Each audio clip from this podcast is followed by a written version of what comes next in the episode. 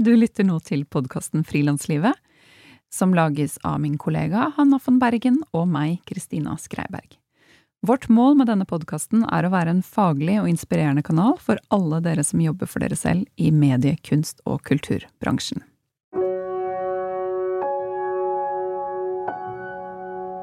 Ukens annonsør er regnskapsprogrammet Fiken.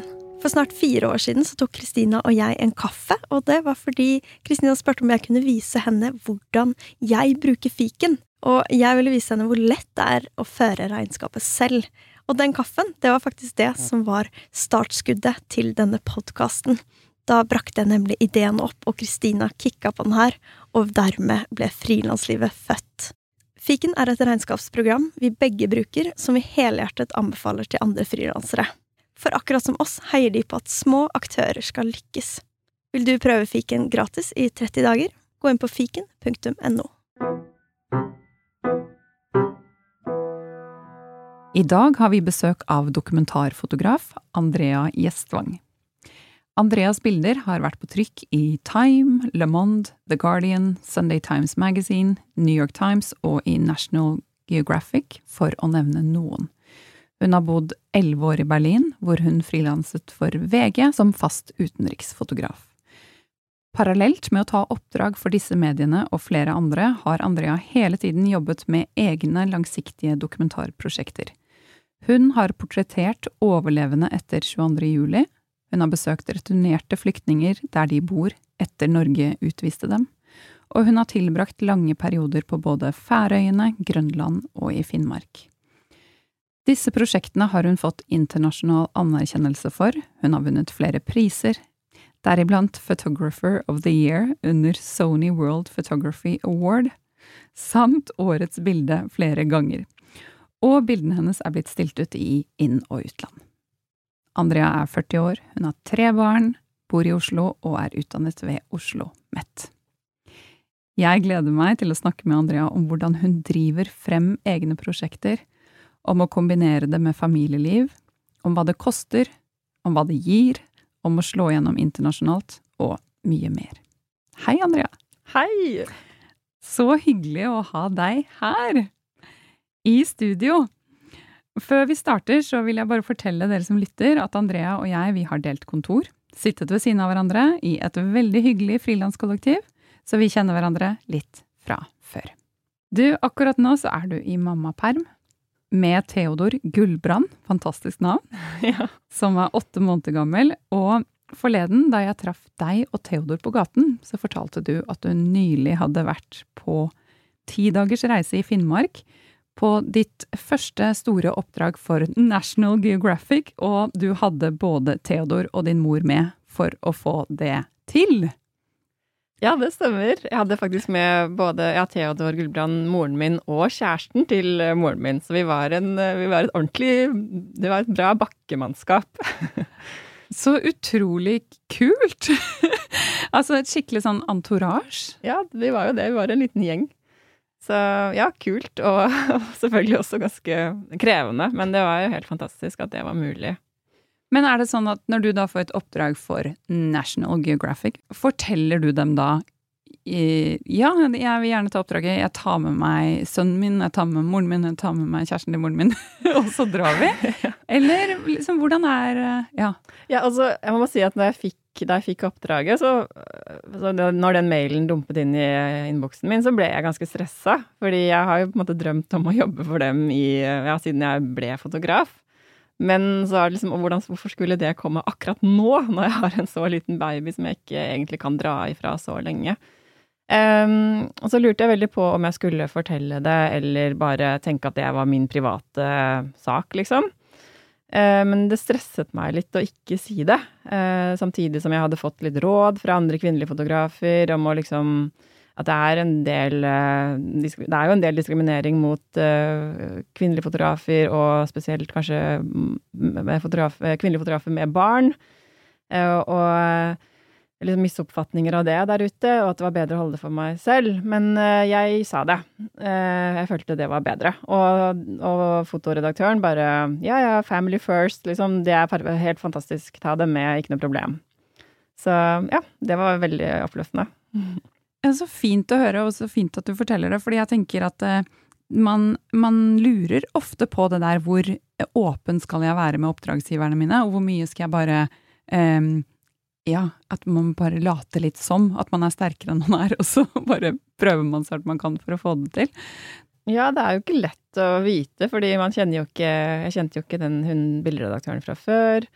Eh, men jeg tenker at det er litt viktig å være åpen, da, for, også for å kanskje bane vei for andre som kommer etter. Og, og liksom, jeg visste jo selv at jeg, den beste jobben Jeg kunne gjøre den beste jobben hvis jeg hadde han der med barnevakt. Eh, da kunne jeg dedikere meg til arbeidet når jeg skulle jobbe, og så kunne jeg jo amme han litt på kvelden og han og, og liksom sjekke inn av og til.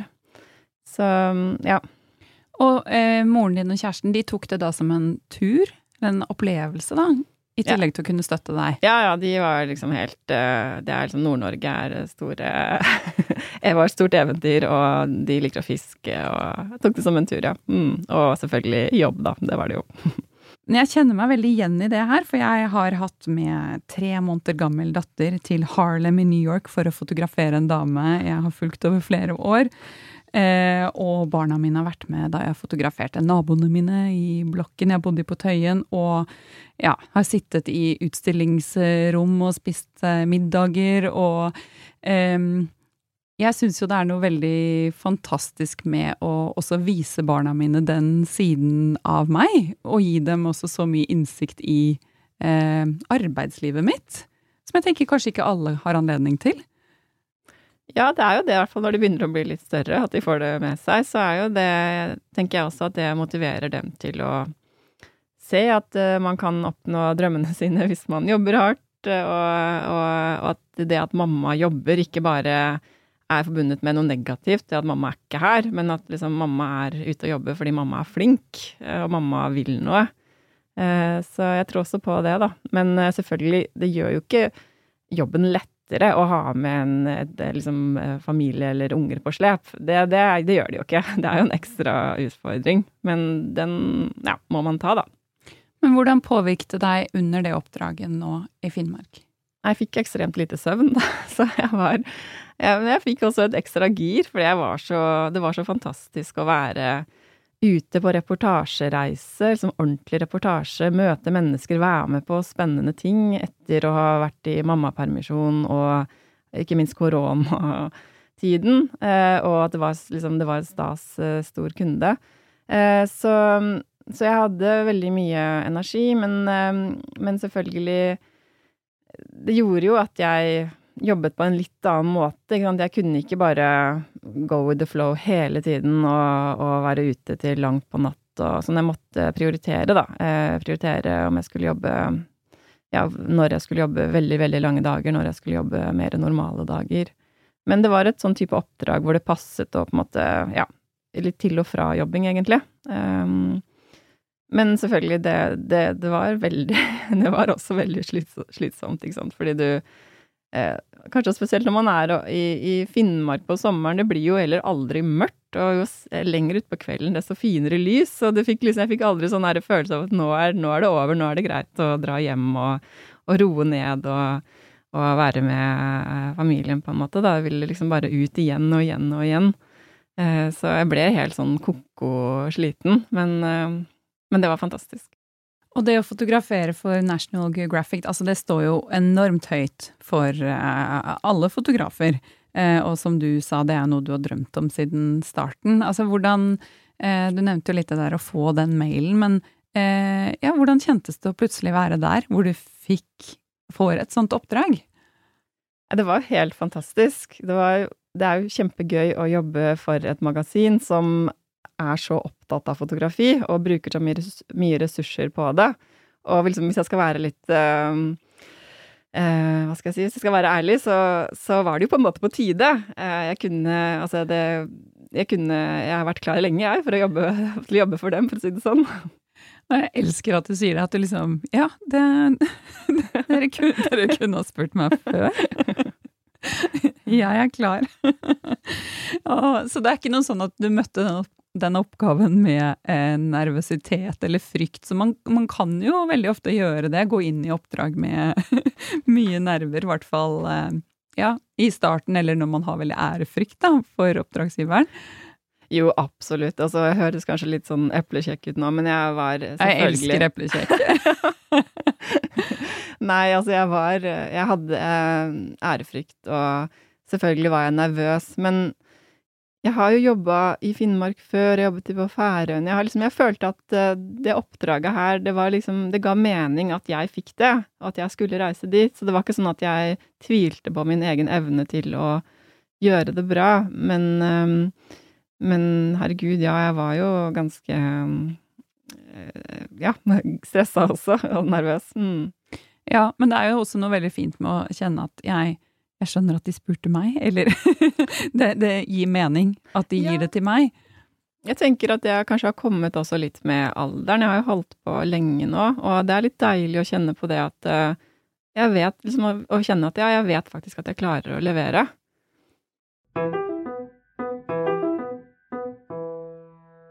Men hva er det beste for deg med å jobbe sånn, med å være frilanser og ha mange, altså både oppdragsgivere, men også mange egne prosjekter på gang? Det er så mange ting, egentlig. Det er jo den utrolige kontrasten i, i hverdagen. At, eh, at, man liksom kan jobbe så utrolig masse, eller jeg kan jobbe så mye, da. Det er liksom helt eh, Det er som liksom, man er midt inne i en sånn herre storm hvor det bare liksom gjelder å holde stø kurs og ikke jeg blir dratt i alle retninger. Eh, og ja, mye, mye jobb. Og så er man ferdig, ikke sant. Så det, er det litt roligere.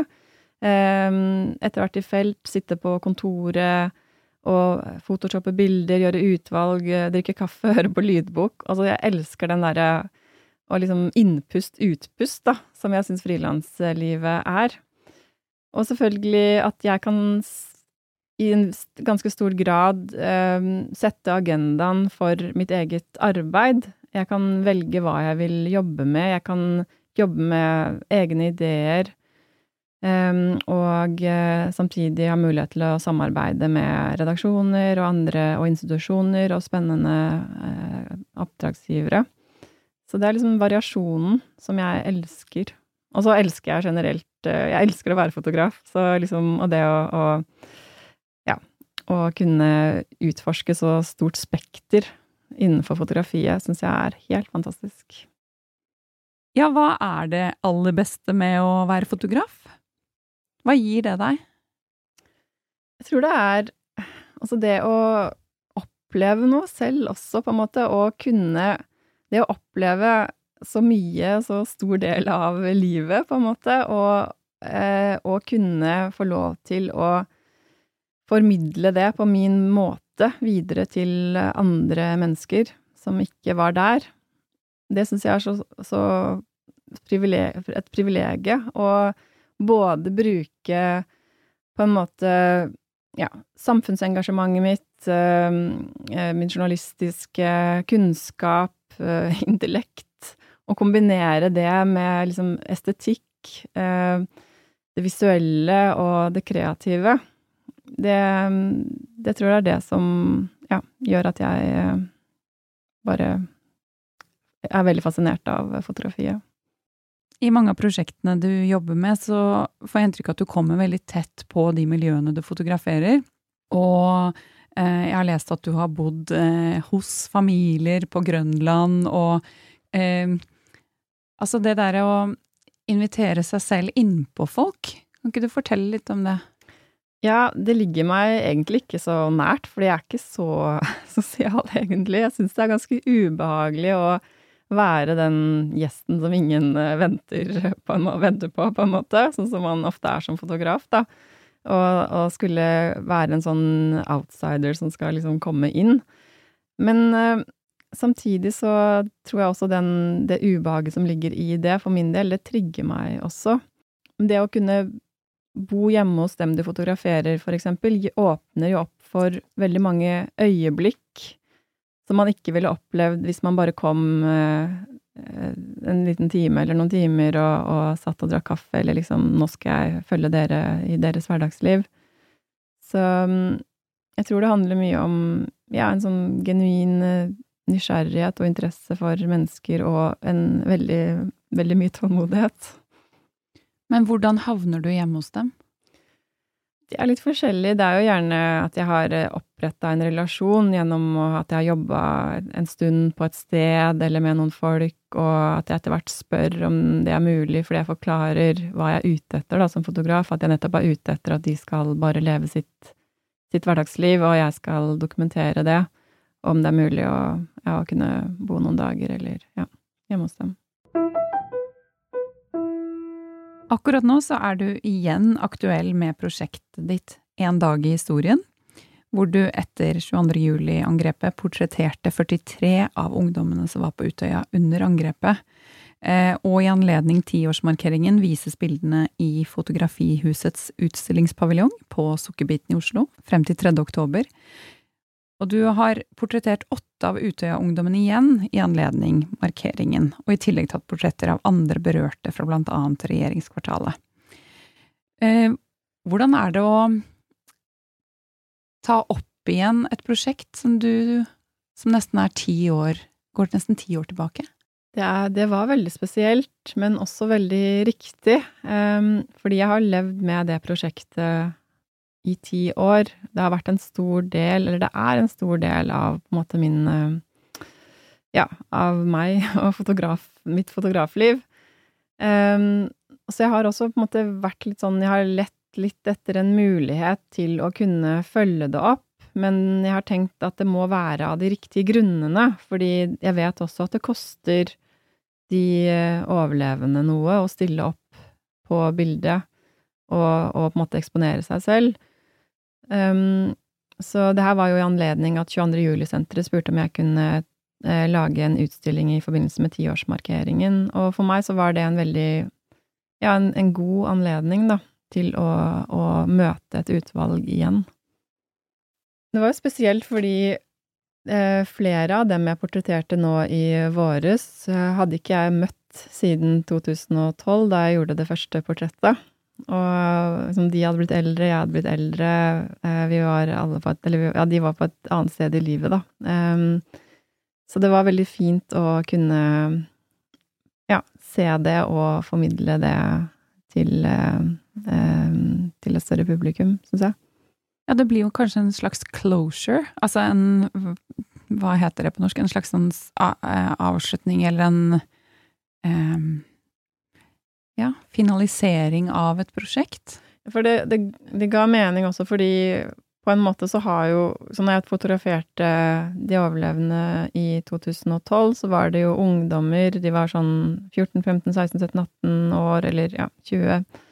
Og, og var Og bildene er tatt sånn eh, mellom et, et halvt år, ett år etter uh, hendelsen, og de har på en måte blitt i den situasjonen og i den alderen Eller ja, liksom det ble på en måte frosset i den I den, eh, i den på en måte, da, i mine bilder. Og for meg, så har De har liksom vært 15-16-17 år i min bevissthet alltid, ikke sant, siden den gang. Og, og, men det jo Det stemmer jo selvfølgelig ikke. Og, og det var liksom fint å, å, å, bare ja, se at livet har gått videre uh, hos dem, og kunne også få det inn i prosjektet, da. Eh, sånn at de ikke skulle liksom leve videre i den Nei, det var veldig dumt sagt. Mm.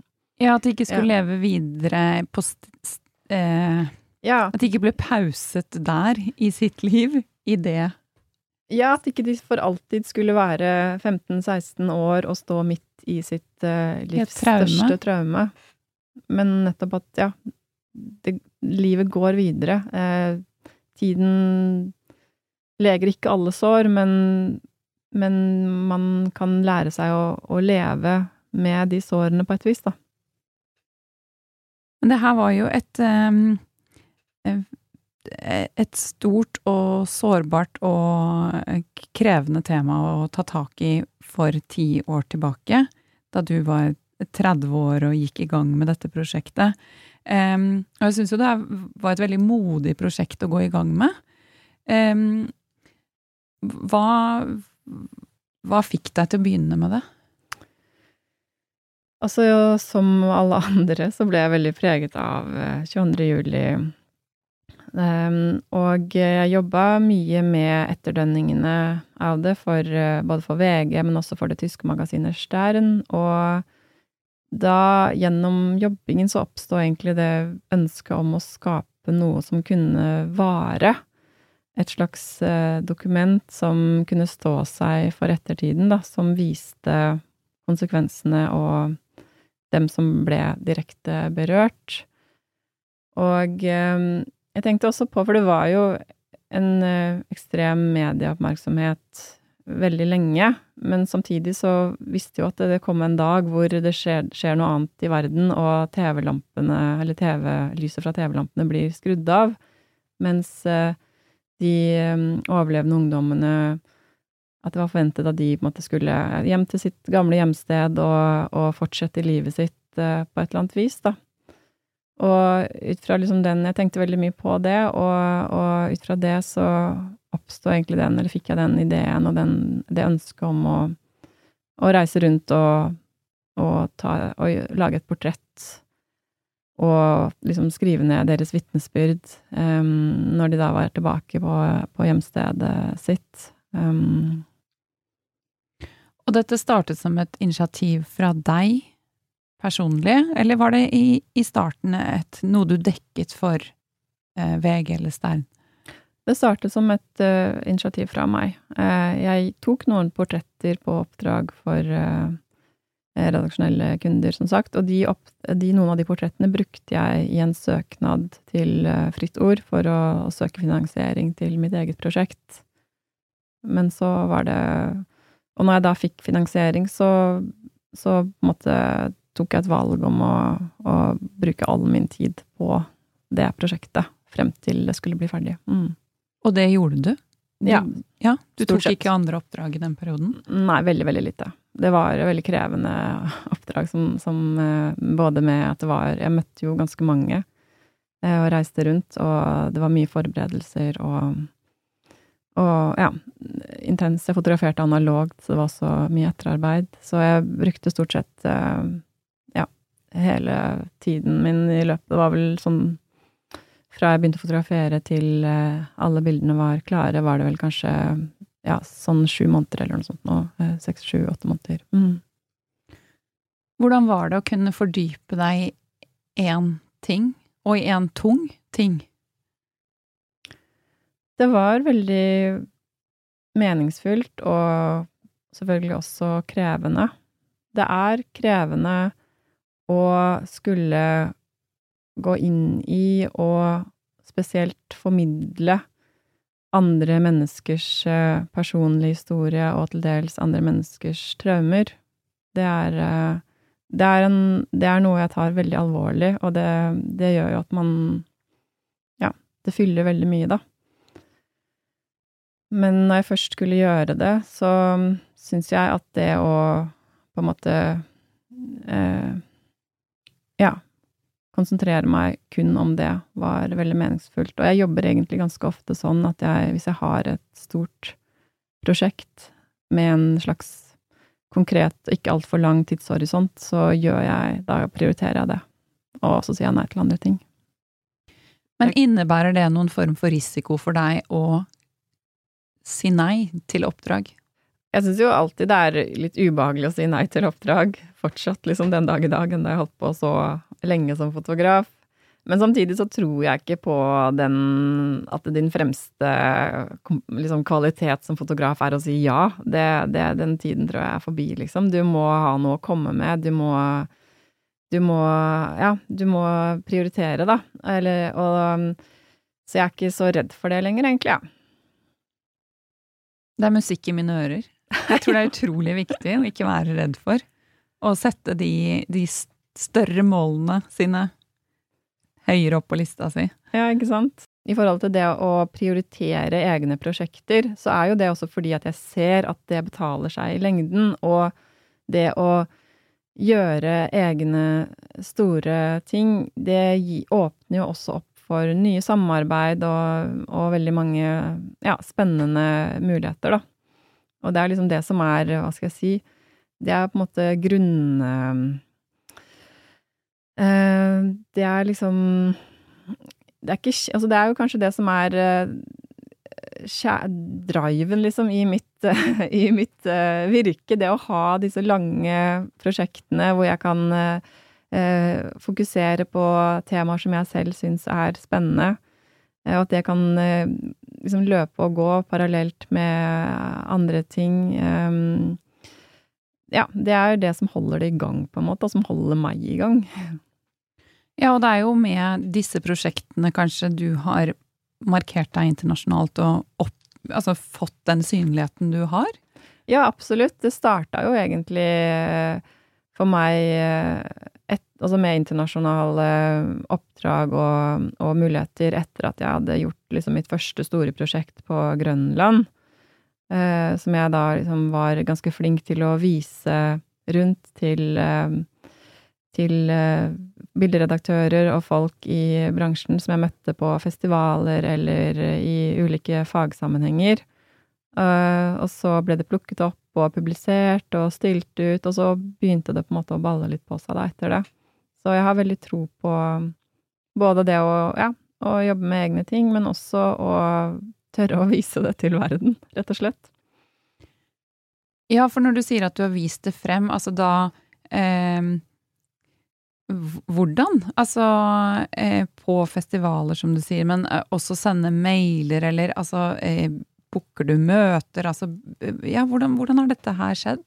Altså det har utviklet seg selvfølgelig, men eh, den gang, da var jeg ung student og ganske ja, eh, fersk. Men eh, da var det at jeg spurte hvis jeg, hvis jeg, var på foredrag eh, hvor det var fotografer jeg syntes var flink, eh, flinke, så spurte jeg dem om de hadde fem minutter til å se på noe jeg hadde jobbet med. Eller jeg eh, ja, tok tak i folk på festivaler, snakket med dem.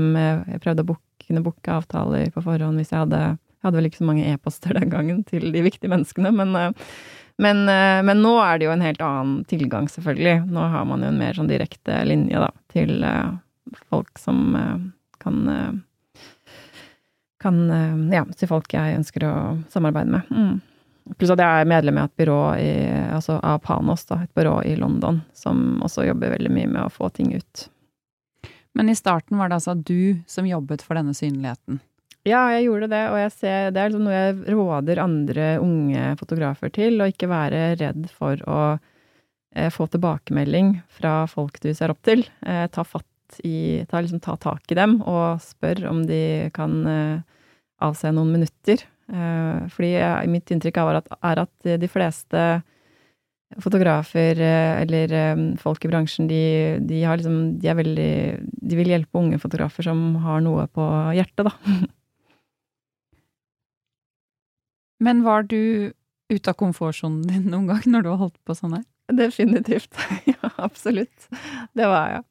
Men som sagt, jeg trygges jo litt av det å liksom Jeg, jeg er glad i utfordringer, da, og det å, å liksom Ja, å gå ut av min egen komfortsone. Det, det er noe som liksom Ja, oppsøker ubehageligheter på en måte lite grann.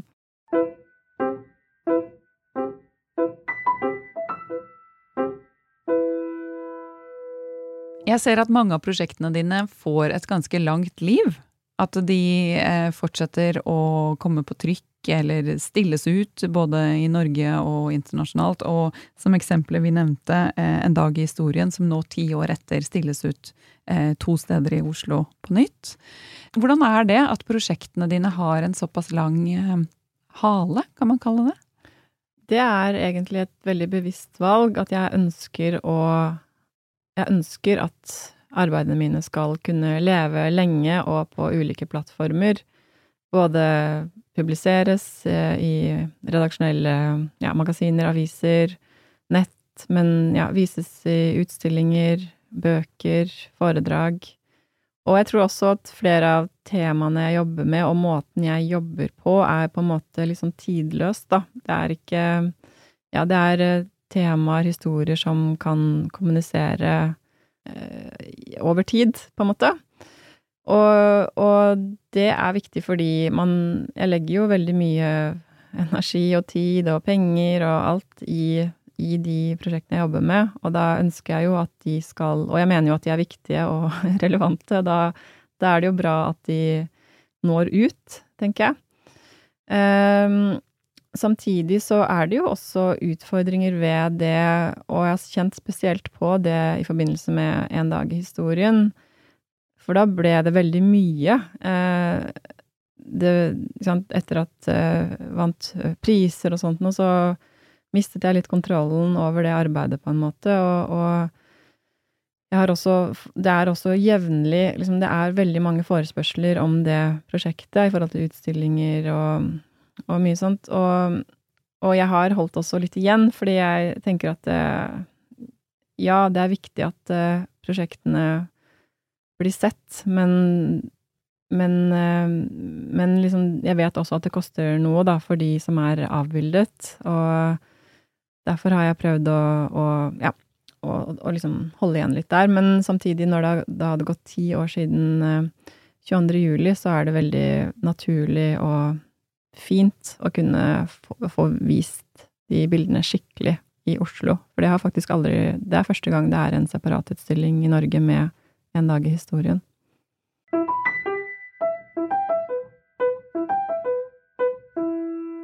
Men er det, er det mye å administrere, dette her? Ja. ja. eller har du agent som administrerer sammen med deg, eller for deg? Nei. Nei, altså jeg, har, eh, jeg er med i eh, byrået Panos, som jeg nevnte, men det, de administrerer mer um, salg til uh, magasiner og aviser, og så oppdrag. Mens utstillinger og alle sånne ting, det, det administrerer jeg selv. Så det er jo veldig mye jobb, selvfølgelig. Mm. Ja, og også hvis man tenker at dette kan man, man, ser selv at dette kan jo leve lenge, eh, så vet man hele tiden at det er Du kan alltid egentlig fortsette å jobbe med det, eh, og fortsette å, å, spre det ut, og eh, som jo er fantastisk at man har eh, en utømmelig kilde, på en måte, eller nesten. Men samtidig selv kjenner jeg at jeg noen gang kan føle meg så strukket, for jeg føler at jeg med mine, alle mine haler og mine prosjekter at jeg på en måte alltid kunne gjort mer. Og at jeg ikke alltid da helt strekker til i forhold til min eget, mitt eget ambisjonsnivå da, for, ja, ja. for, alle prosjektene. Ja, jeg skjønner veldig godt hva du mener med det. Eh, men jeg samtidig så Jeg er ikke så Altså, jeg jobber ikke aktivt egentlig så mye eh, med å spre prosjektene mine sånn lang tid etterpå. Det er mer at jeg får forespørsler, og så takker jeg ja eller nei. Så eh, deilig. Ja, ja, på en måte, samtidig som jeg også tenker at jeg burde kanskje vært enda mer liksom, målrettet eller kynisk, eller hva skal jeg si. Men, jeg, men eh, ja. Jeg, for meg så er det egentlig litt sånn at det viktigste for meg er å gjøre Altså er å liksom Er å, å lage et bra prosjekt og ta gode bilder, gjøre, gjøre noe som er viktig og, og har høy kvalitet og ha, hvis jeg har fått til det, så vet jeg på en måte at da vil det komme muligheter. Da vil det prosjektet få sitt liv. Uten at jeg trenger å pushe altfor mye. Motivasjonen min ligger på en måte med i det å skape et, et, spennende, et viktig, et fantastisk prosjekt, og ikke å måte stille ut her og der, eller liksom vises overalt. Selv om jeg sier at jeg har At, jeg, at, jeg er, at det er et aktivt valg, det at at uh, arbeidene mine skal leve lenge, så er det ikke nødvendigvis sånn at jeg, at jeg eh, pusher det så veldig mye. Jeg får inntrykk av at du er veldig sånn i kontakt med hva som er viktig for deg, og hvilken vei du vil gå. Altså hvilke At du tar veldig bevisste valg. Og er det noe du gjør for å på en måte komme i kontakt med deg selv? Å, det er jo uh har du noen metoder eller noe som er sånn dine greier, som du gjør for at du liksom kommer på det riktige sporet? Eller holder deg på det? Kristina, det er et bra spørsmål som jeg eh, syns er vanskelig å svare på, egentlig. Fordi jeg føler jo også selv at jeg er ganske Ja, at jeg er eh, jeg vet hva jeg driver med, på en måte, men um, jeg holder ikke på med noe sånn uh, mentaltrening eller mindfulness eller uh, noe som helst sånn uh, egen greier. Men um, Nei, jeg tror det handler mye om å bruke tid på det man jobber med, og forstå det man jobber med, og, og ja, finne på en måte glede og inspirasjon i det, da. Jeg vet ikke. Men når skjønte du eh, hvilken Når så du retningen din? Eh, eller sånn skjønte du at hvilken vei, hvilket spor du var interessert i å gå? Nei, det vet jeg ikke helt. Men jeg var helt fra jeg var student, så var jeg veldig sikker på at jeg skulle ut av Norge. Jeg ville jobbe i utlandet en periode og skape liksom min egen uh, hverdag som fotograf. Da skape min egen uh, agenda, på en måte, eller sette agendaen selv. Og jobbe internasjonalt, eller ha et internasjonalt uh, nedslagsfelt. Det, det, visste jeg hele tiden. Um, Føler du selv at du er målrettet? Jeg føler at jeg er ganske målretta, ja kan være, man kan være målretta, men selvfølgelig betyr ikke det at jeg ikke også i perioder er full av tvil og selv liksom tviler på mine egne mm, evner og min egen plass i eh, fotoverdenen og alle sånne ting. Det, det Men jeg tror kanskje det, det som jeg har lært, da, er at det å tvile og det å møte motgang og det å måtte kjempe, det er eh, det er en, liksom en, en, spennende del av livet, på en måte. Det er ikke noe man skal være så innmari redd for, eh, fordi at det, ja, det gjør at jeg utvikler meg, at jeg forstår noen nye ting, at jeg kommer liksom nærmere det jeg holder på med. Så kanskje det er det som, eh, som er at man at det liksom ikke er så redd. Men har du hatt perioder som har vært eh, krevende? Eller eh, ja, perioder med mye motgang? Ja, jeg har jo det. Det, liksom, det å være fotograf veldig, Det er et veldig konkurransedrevet, uh, preget uh, yrke. Og, og frilanser det, det, er jo Du ber jo om motgang. Uh, så jeg har jo det også, uten at jeg på en måte kan sette fingeren på sånn spesielle episoder som har på en måte virkelig satt dype spor. Um, men jeg syns jo selvfølgelig at det har vært, liksom, det har vært utfordrende Kanskje spesielt eh, sånn etter at jeg har kommet tilbake fra en litt lengre mammapermisjon, for eksempel. Det å da finne sin plass og føle at man ikke blir forbigått av liksom gutteklubben Grei og som, eh, som eh, eller, eller, andre, og, og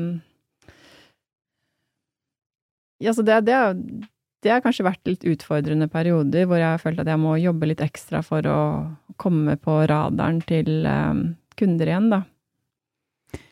Ja, du har jo tre barn som innebærer da tre mamma... Eh, altså foreldrepermisjoner. Um, og, og, jeg følte jo at det var å ta noen steg tilbake og ha disse permisjonene.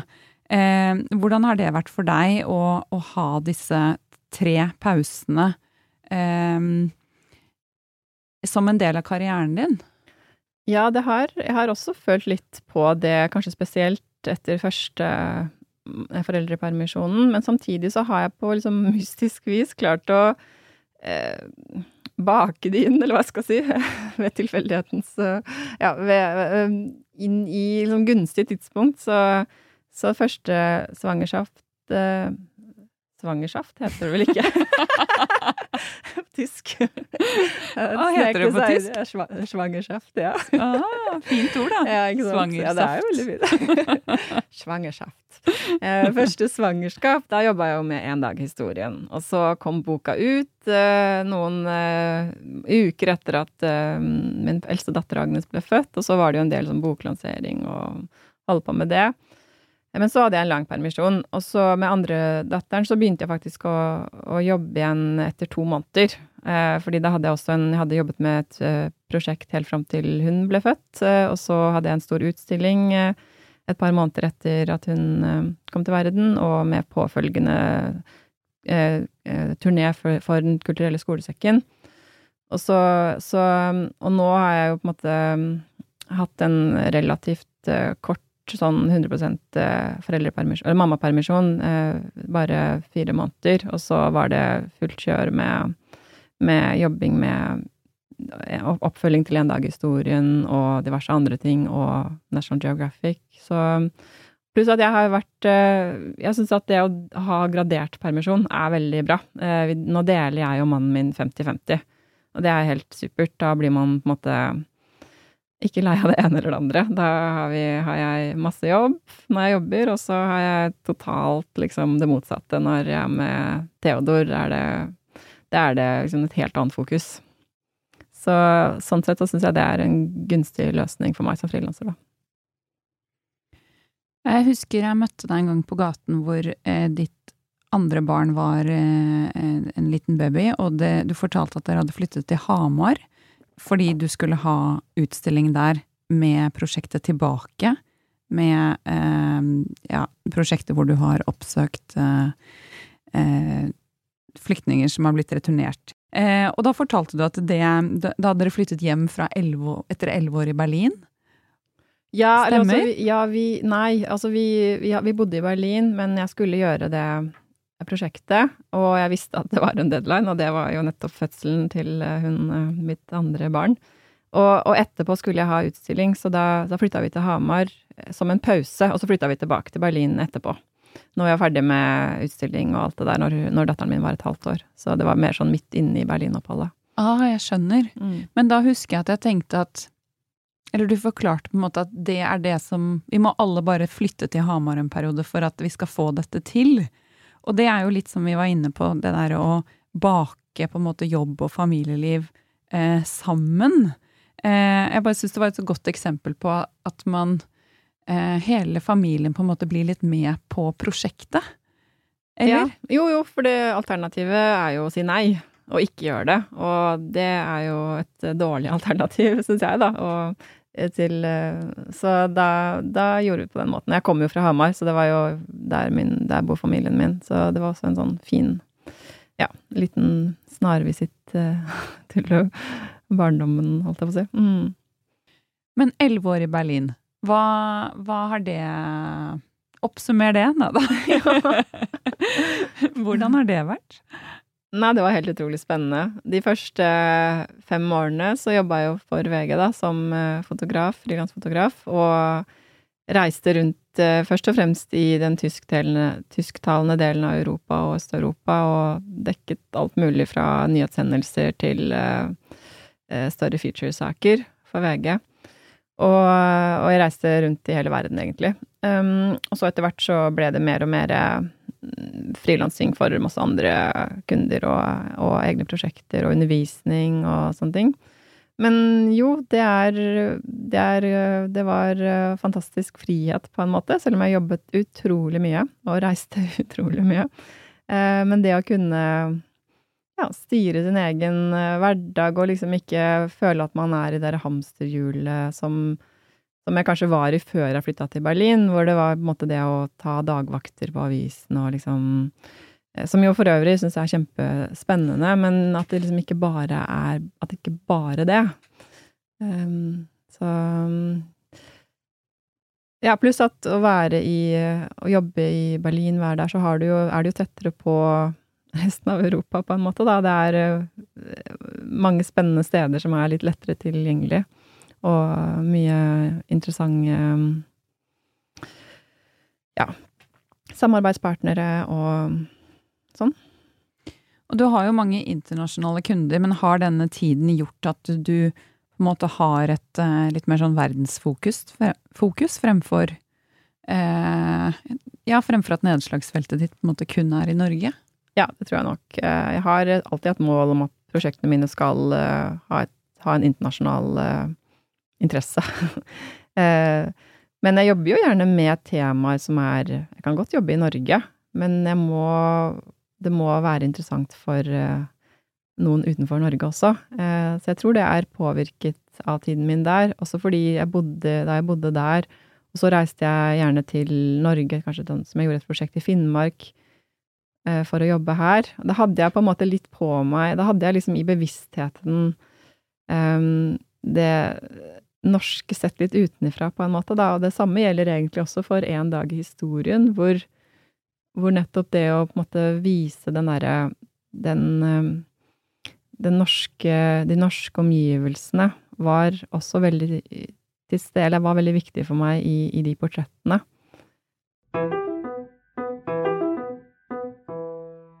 Jeg sitter jo egentlig og tenker hvordan får du dette til? Og fordi du har så mange imponerende meritter.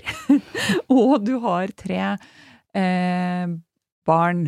Eh, så altså, hvordan eh, Hvordan får du det til?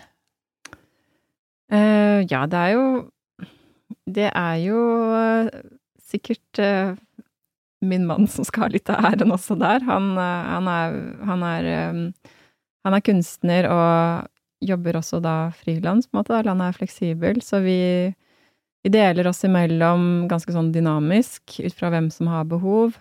Og han er utrolig flink og, og stiller opp og backer opp. Så uten han kunne jo ikke holdt på sånn, selvfølgelig. Men jeg oppfatter deg som eh, ekstremt drevet av det du eh, av, det, av, jobben din. Eh, fremfor at man sitter og tenker sånn 'Å nei, må jeg ta tak i dette i dag?' ja, det er kanskje når jobben er lystbetont, og så, så, koster det deg ikke så mye å gjøre den, på en måte, da. Og det å sitte på kvelden og sånn, det, det, er ganske koselig. Ja, å ta de lommene man får. Ja. Mm. Ja, det husker jeg veldig godt da barna mine var små, at det Hvis jeg fikk en time, så fikk jeg en time, og det var helt uh, magisk. Ja, ja. Og så er det jo gjerne sånn når uh, Hvis man er på reise, først og fremst uten familien, da, eh, på forhold til jobb eller um, prosjekter, så har man jo da plutselig all tid i verden de dagene man er borte, ikke sant. Så så da setter man veldig pris på det, og jobber, uh, jobber veldig intenst den tiden. Man blir rett og slett veldig takknemlig for den tiden man får. Eh, og noen ganger er det en halvtime, og noen ganger så er det fem dager på reise. Ja, det er egentlig litt sånn. Mm. Du Andrea, tusen, tusen takk for at du kom hit i dag. Og at du prioriterte frilanslivet fremfor et oppdrag i Stavanger. Det var kjempehyggelig å være her. Takk skal du ha, Kristina. ha det godt. Ha det. Hei.